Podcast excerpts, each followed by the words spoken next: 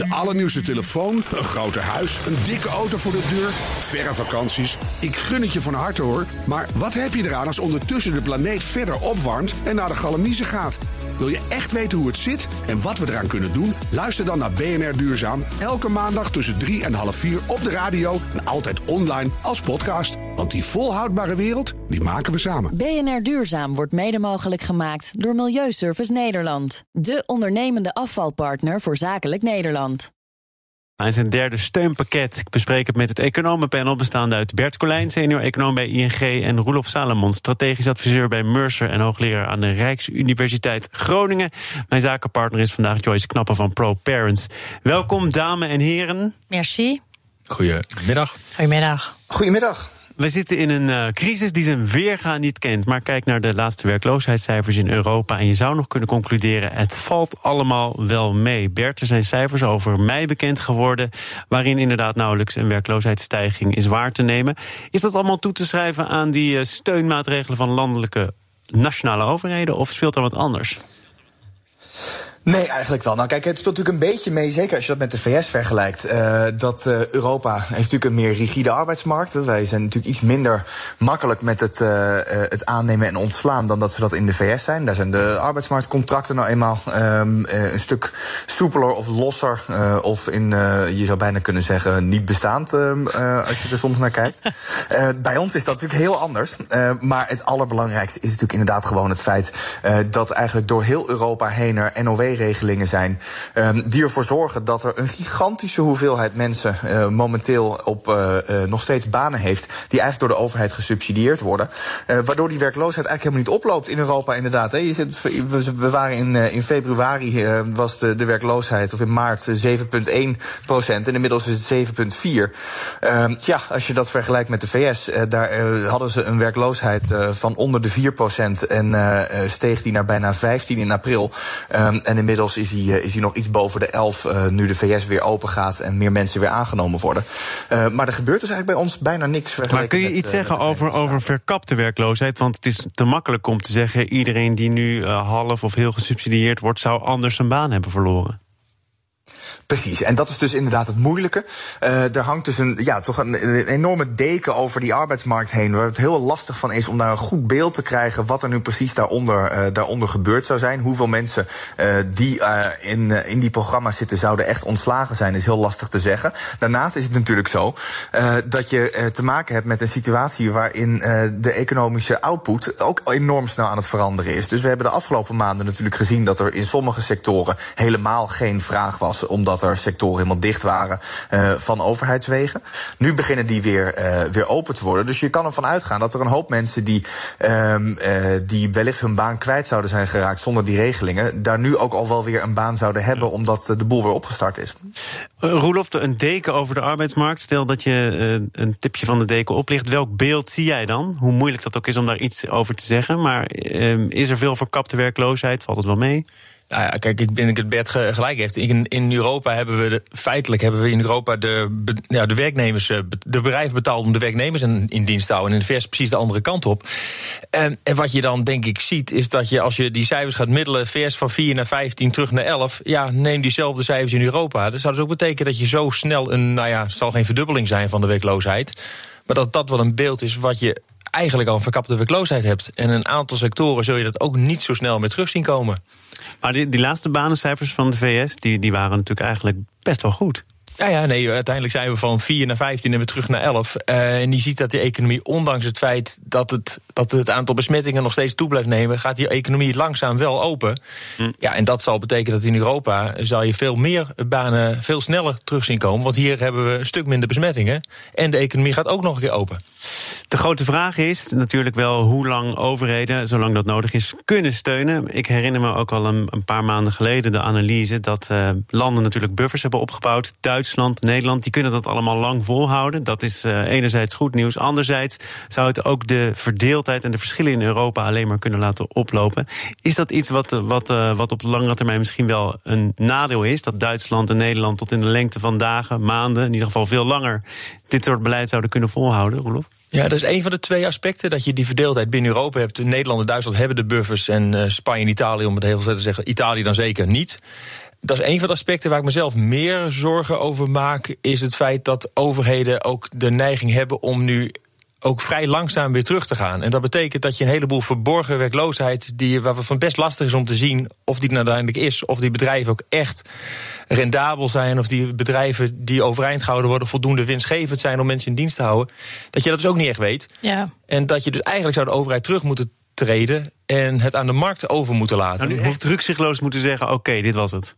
Nou ja, kijk, of we dat rukzichtloos moeten doen, dat is denk ik de volgende, volgende punt. Maar eh, uiteindelijk, als jij drie maanden lang steun hebt gegeven, dan kan je dat nog een keer, nog een keer drie maanden doen of nog een keer zes maanden doen. Maar uiteindelijk zul je als overheid je terug moeten trekken en het aan de private sector moeten laten om te beslissen welke bedrijven wel winstgevend zijn en welke bedrijven niet. Dat is geen taak van een overheid of van een centrale bank. Dat is een taak van beleggers uiteindelijk. Mm, maar En- hoe, hoe doe je dat dan? Dus, dus langzaam terug. eh, Dat doen ze nu, hè? langzaam. Ja. Lang en dun is volgens mij eh, het nieuwe adagium. Dat is heel verstandig. Dat is, dat is verstandig. Dat is heel verstandig, want uiteindelijk wil je niet als overheid op de stoel komen te zitten van een belegger. eh, dat jij het, of als centrale bank op de stoel zitten van een belegger, dat jij het kredietrisico neemt. En dan stel je open voor, voor lobby's, stel je open voor verliezen en is de belastingbetaler de klos. Joyce, sorry, ik onderbrak jou namelijk. Nee, maar ja, ik zat gewoon te denken, hoe, hoe zie jij dan die intelligente, hè, terugtrekkende overheid eh, met die ma- maatregelen? Wat zou dan de beste manier zijn wat jou betreft? Want als je niet zegt, wel in één keer of juist niet in één keer? Nee, ik denk dat lang en dun is denk ik de juiste, de juiste manier om het te doen. Je moet bedrijven ook de. Uiteindelijk een groot deel van wat er nu gebeurd is, is ook eh, gedreven doordat de overheid de economie op slot gegooid heeft. Ja. Nou, als de overheid de economie op slot gooit, dan zijn de regels van het spel veranderd. Dan mag je ook bedrijven de kans en de tijd geven en gunnen om te kijken welke businessmodellen in de toekomst nog wel rendabel zijn en welke niet. Een aantal businessmodellen was misschien voor de lockdown ook al minder rendabel. Ja, die zullen waarschijnlijk het niet overleven. Dat is denk ik geen rol van de overheid of van een centrale bank om daar de keuze in te maken. Maar aan beleggers. En in de tussentijd is het een vrij disruptief proces. En zal je daar, daar hebben we een verzorgingsstaat voor. Bert, hoe, hoe en wanneer zou de overheid zich moeten terugtrekken? Ja, ik denk, ik denk dat je er. Weet je, het, we hebben natuurlijk te maken nu met een crisis. En dat is echt een, een, een crisis in een snelkooppan. Hè. Dit, dit- de normale recessie die duurt een, eh, een stevig aantal kwartalen vaak dat de, de economie eh, aan het krimpen is. Daarna begint het weer, weer te stijgen. Nu is het van overheidswegen dat je een enorme krimp in één keer hebt. Heel veel is nog, is nog onduidelijk. Als je daar toch heel snel inderdaad uit, uit wegstapt, dan, dan is de kans natuurlijk ook gewoon aanwezig dat je, dat je daar gezonde bedrijven eh, erg mee benadeelt, waarmee je het herstel ook vertraagt. Dus dat is natuurlijk het, het risico wat daarbij eh, wat daarin meespeelt. Eh, er gebeurt een hele hoop op hele korte termijn, waar het nog heel onduidelijk is van hoe dat precies, hoe dat precies uitspeelt. Misschien nog even terugkomende op je eerdere vraag, Thomas. Je had het over, de, ehm, over of, er een, of het, het level playing field er nou eigenlijk wel is in Europa, omdat ja. Nederland en Duitsland veel meer kunnen, kunnen besteden. Nou, vond ik zelf ook een goede vraag. wel Kom er maar op terug. ja, vond ik ook, nee, vond ik ook een goede vraag. En, dus wat daar, wat daar wel bij, bij helpt, zeg maar, om, het, eh, eh, om, om Zuid-Europa eenzelfde kans te geven om dit soort regelingen specifiek eh, wat langer aan te kunnen houden, is dat er een Europees potje hiervoor gemaakt is, waar, de, ehm, eh, waar vrij recent op eh, ehm, eh, wat er doorgehamerd is. Het Sure-potje heet dat.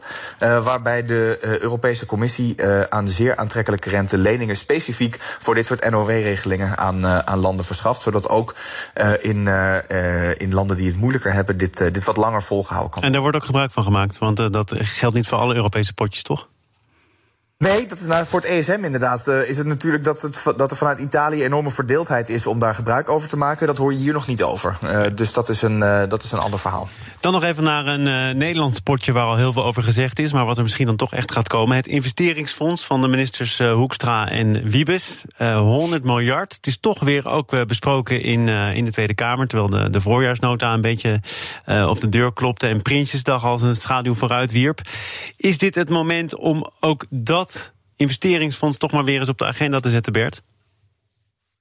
Nou, kijk, eh, als je het idee had om een investeringsfonds eh, eh, in, het, in het leven te roepen. En dan, hè, er zitten natuurlijk allerlei haken en ogen aan hoe je dat precies moet doen. Maar als je dat voor de crisis had, dan lijkt het me dat dat na de crisis alleen nog maar relevanter geworden is. We hebben nu, nu natuurlijk krijgen we te maken met een, een economie die een tijdje onder het potentieel lijkt, te gaan, lijkt te gaan presteren. Ja, als je dan ehm, eh, op zeker wat meer lange termijn issues wil gaan investeren, waar je de economie ook nu in de herstel herstelfase mee helpt, dan, dan is het volgens mij is dat een. Ja, het verschil is natuurlijk wel dat toen het werd voorgesteld, de, de, ze van gekkigheid niet meer wisten hoe ze het geld moesten opmaken. En dat is nu veranderd. Uh, precies, maar kijk, dan, daarentegen is het natuurlijk ook zo dat, uh, dat de rente laag blijft en dat er voor de economie momenteel uh, het, het relevanter is dat je die investeringen doet dan dat dat voor, um, voor de recessie het geval was. Ja, jij ziet het niet, maar ik zie hier iemand ook hartstochtelijk meeknikken. Dat Volgens mij hebben we het hier in het economenpanel de afgelopen jaren meerdere keren over gehad. Dat het uh, uitermate belangrijk is dat Nederland en eigenlijk als heel Europa hervormt. Maar uiteindelijk ook dat er geïnvesteerd wordt in de lange termijn groeipotentieel. En als dit potje gebruikt wordt wat het idee was om uh, investeringen te doen. Let op, het woord investeringen is hier belangrijk. Het gaat niet om overheidsconsumptie, maar overheidsinvesteringen. Die zorgt dat je op lange termijn je groeipad van je economie omhoog krijgt. Helemaal voor en dan is daar alleen nog maar extra. Uh, ja. druk voor om het nu te doen. En voor de mensen die voor het eerst naar het economenpanel luisteren, die het al die jaren hebben gemist, wat is echt investeren dan? Waar, waar zou dit fonds zich op moeten richten? Uh, infrastructuur, onderwijs en energietransitie, denk ik, zijn de drie makkelijkste. Ja. Zorg. Zorg ook. Ja. Ja. ik ben heel benieuwd, want ik hoor jullie zeggen hè, krimp en slecht en de economie, et cetera. Maar het is niet alleen maar slecht, toch? Want er zijn ook sectoren die het nu juist uitermate goed doen, waar ook weer een herstel komt in de fase hierna. Zie je dat ook, kan je dat ook al een beetje zien in de cijfers? Nou ja, kijk naar de beurskoersen van de, en je ziet dat de bedrijven en de sectoren die het beter zullen gaan doen in het herstel, dat daar uh, uiteindelijk de beurskoersen al het hardst omhoog zijn gegaan. Het grote probleem is alleen dat daar niet de meeste mensen werken. Goed. Ja. We gaan, we gaan naar die beurzen, naar die markten. Een bruut onderbroken door een jingle. Bert Colijn, senior-econoom bij ING. Roelof Salomons, strategisch adviseur bij Mercer... en hoogleraar aan de Rijksuniversiteit Groningen. Mijn zakenpartner is Joyce Knappen van ProParents. Uh, als je het hebt over de beurzen, over de aandelenmarkt onder andere... Uh, dan zie je wel dat, dat er nog steeds weinig alternatief is. Of uh, zie ik dat verkeerd? Hè? There's no alternative? Nee, dat, dat, dat, klopt nog steeds. Aan de andere kant, eh, men maakt heel veel de discussie van... het gaat te snel wat er in de beurs gebeurt. Maar als je gewoon kijkt naar wat er economisch gebeurt... dan hebben we de grootste dip en de snelste dip in tijden gehad. Maar zie je ook dat het herstel alweer begonnen is. Dus ja, er komt nog een heleboel slecht nieuws aan... Maar oplopende werkloosheid en oplopende inflatie... in dit geval dat het fors dalende inflatie zijn trouwens... dat, dat loopt altijd achter de, achter de, de economie aan. Dus ja. beurs lopen erop vooruit. Dus op zich, ja, um, er is een enorme recessie. Ja, die zal diep zijn, maar hij was ook heel kort. En er is ongekend veel gestimuleerd. Dus ja, op zich begrijp ik die beurskoers maar maar de, maar de, economie en de beurs, de economie en de financiële markten... het is goed dat we die nu samen noemen... maar dat zijn toch eigenlijk gescheiden werelden? Appels en peren. Appels en peren, oké. En uh, wat zegt het dat uh, grote centrale banken al hebben gezegd... de rente blijft laag tot 2023? Ja, dat klopt. En dat eh, helpt dus. Want als je dan de, als je gewoon even heel simpel kijkt, dan gaat het om het verdisconteren van winsten. Dat, zijn, dat is eigenlijk je aandelenkoers is niks anders dan het verdisconteren van toekomstige winsten. Toekomstige winsten naar het heden halen. Die winsten zullen waarschijnlijk iets minder zijn. Maar de disconteringsvoet die je ervoor gebruikt, die rente, die blijft tot, nou, in ieder geval de komende drie, vier jaar nog wel nul. Ja, ja kun je dat echt met zoveel bijna zekerheid al zeggen?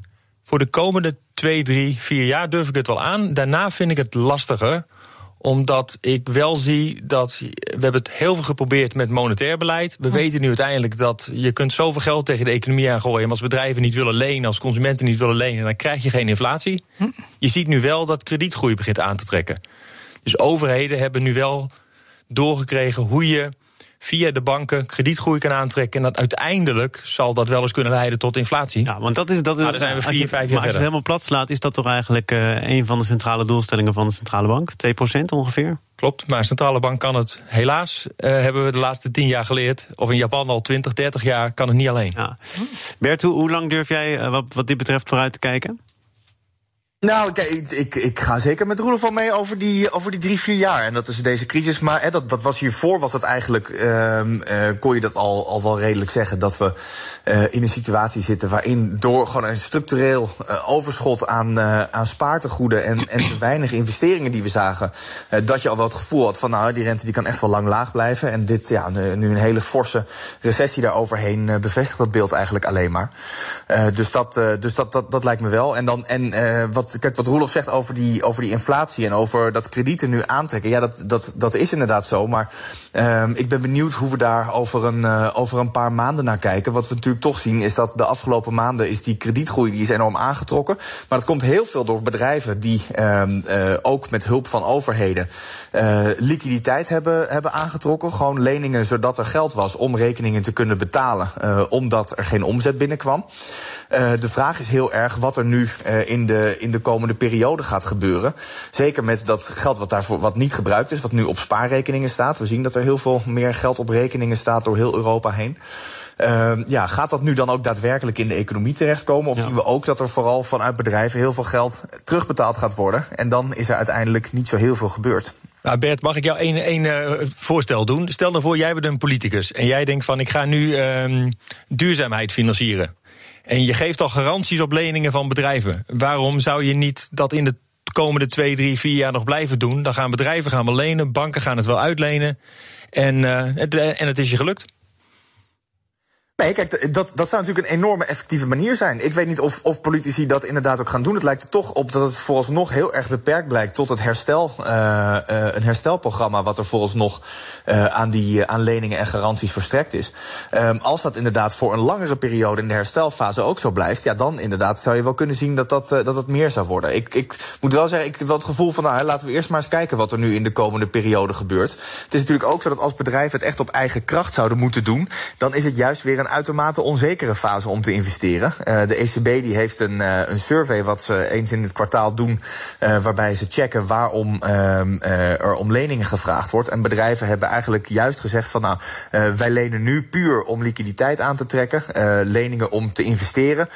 daar zie je eigenlijk dat daar heel weinig vraag momenteel naar is. Um, en dat komt natuurlijk toch door al die onzekerheid. Dus het zal wel, het zal dat steuntje waar Roelof het over heeft van de overheid, zal het nodig hebben. Klinkt als een heel goed, goed proefballonnetje eigenlijk. Ja. ik denk uiteindelijk, ik denk dat wat, wat we nu zien in de in, nou, beleidskringen is wel dat blijkbaar heeft men wel geleerd van wat er in 2011, 12 en 13 uh, misschien niet helemaal goed is gegaan. Dat we te snel op de rem zijn gaan staan. En uiteindelijk moet je als overheid dan ook gewoon nog even het extra duwtje geven om te zorgen dat je economie nog even wat extra uh, uh, aantrekt.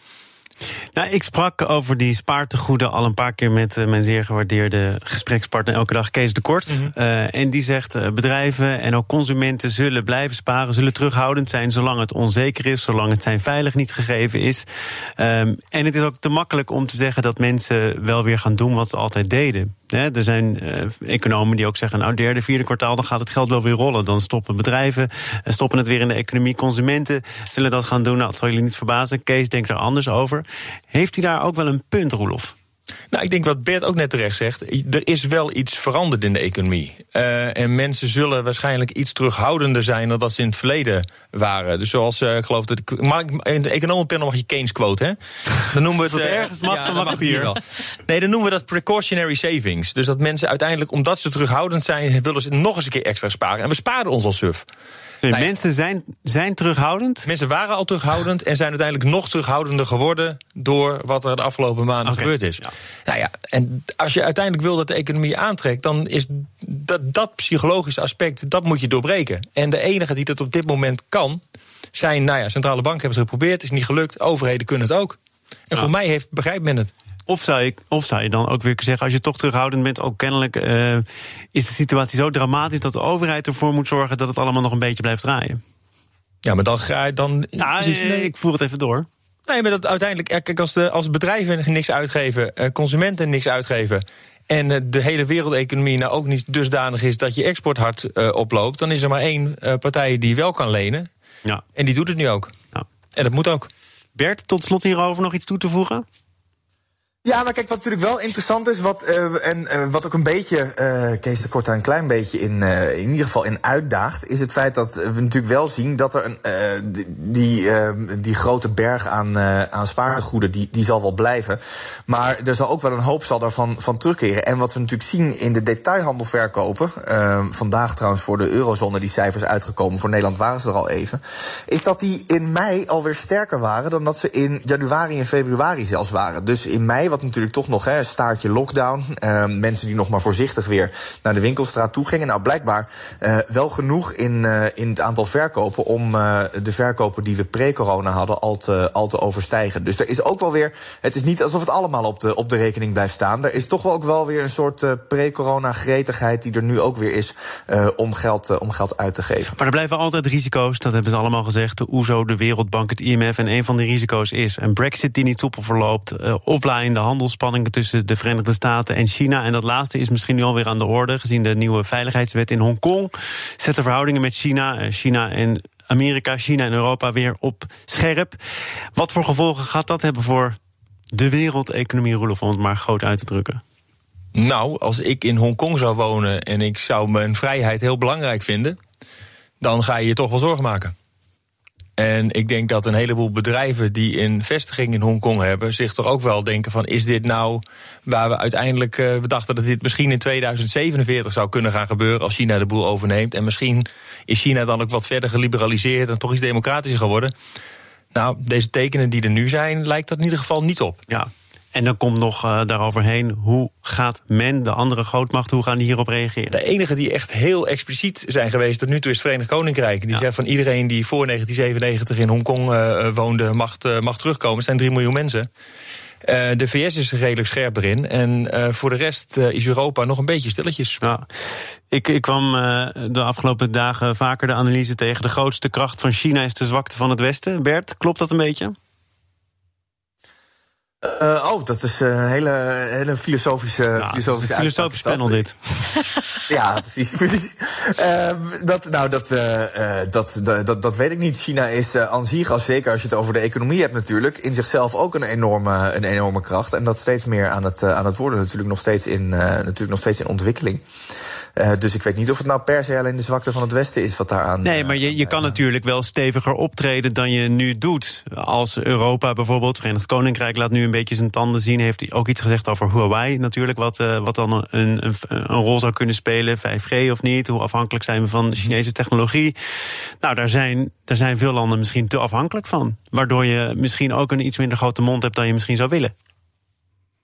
Nou, kijk, als je natuurlijk naar Europa kijkt, dan zie je dat daar de, uh, de houding natuurlijk überhaupt erg pro-handel um, uh, altijd in is. En uh, Europa maakt zich natuurlijk ook, ook zorgen om, om China als, als handelspartner. Wat zeker ook in de herstelfase belangrijk zal zijn. niet in de laatste plaats voor, landen als, voor landen als Nederland. Um, als we nu straks een beetje een, wat verder gaan kijken, dan zien we natuurlijk dat, dat hè, momenteel wordt die economie wordt enorm gedomineerd door de lokale lockdowns. Alles wat er in het eigen land gebeurt, is eigenlijk. Um, uh, dat is, heeft zo'n grote impact.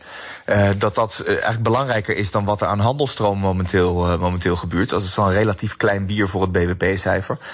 dat zou in de herstelfase, zal dat zeker voor een land als Nederland anders kunnen worden. Als wij sneller herstellen dan, dan Zuid-Europa bijvoorbeeld, wat er wel op lijkt. dan is de vraag inderdaad hoe wij onze exporten goed, goed gaande houden. En daar zal je ook, ook grote handelspartners bij nodig hebben. Roelof, tot slot? Tot slot, ja, dan wordt het een beetje voor Nederland wordt het dan balanceren tussen de koopman en de dominee. Ja, dat doen we al een tijdje, toch? Zijn we ook heel of goed zijn we in. eigenlijk helemaal niet aan het balanceren en wint de koopman altijd? Nou, dat weet ik. Dat zo, zo, zo, zo zou ik hem niet durven stellen. Maar ik denk wel dat je hier zit je wel een, een hele discussie op scherp. Want wat, wat vind je belangrijker? Vind je economische belangen belangrijk of democratie belangrijk? Daar moet je wel een statement maken. Ja, ah, geen tijd meer voor vandaag. Roelof Salomon, strategisch adviseur bij Mercer, hoogleraar aan de Rijksuniversiteit Groningen. Bert Colijn, senior econoom bij ING. De leden van het Economenpanel en mijn zakenpartner van vandaag, Joyce Knappen van ProParents. Dank voor jullie komst. Tot snel weer. Morgen dan is uh, mijn volgende keer. Dan is er weer een nieuwe BNR Zaken doen met Jan de Jong. Hij is de interim directeur van de Eredivisie. Want het coronavirus zette het betaald voetbal buitenspel. De competitie kwam stil te liggen. Hoe de Nederlandse profclubs weer terug in de wedstrijd komen... dat hoor je morgen in BNR Zaken doen. Het is zometeen eerst tijd voor Newsroom. Dat is onze dagelijkse podcast gemaakt door de collega's van het FD en BNR. Gepresenteerd door Mark Heel veel plezier daarmee en dus tot morgen. De allernieuwste telefoon, een groter huis, een dikke auto voor de deur, verre vakanties. Ik gun het je van harte hoor. Maar wat heb je eraan als ondertussen de planeet verder opwarmt en naar de galamiezen gaat? Wil je echt weten hoe het zit en wat we eraan kunnen doen? Luister dan naar BNR Duurzaam. Elke maandag tussen 3 en half 4 op de radio en altijd online als podcast. Want die volhoudbare wereld, die maken we samen. BNR Duurzaam wordt mede mogelijk gemaakt door Milieuservice Nederland. De ondernemende afvalpartner voor zakelijk Nederland. Saarland.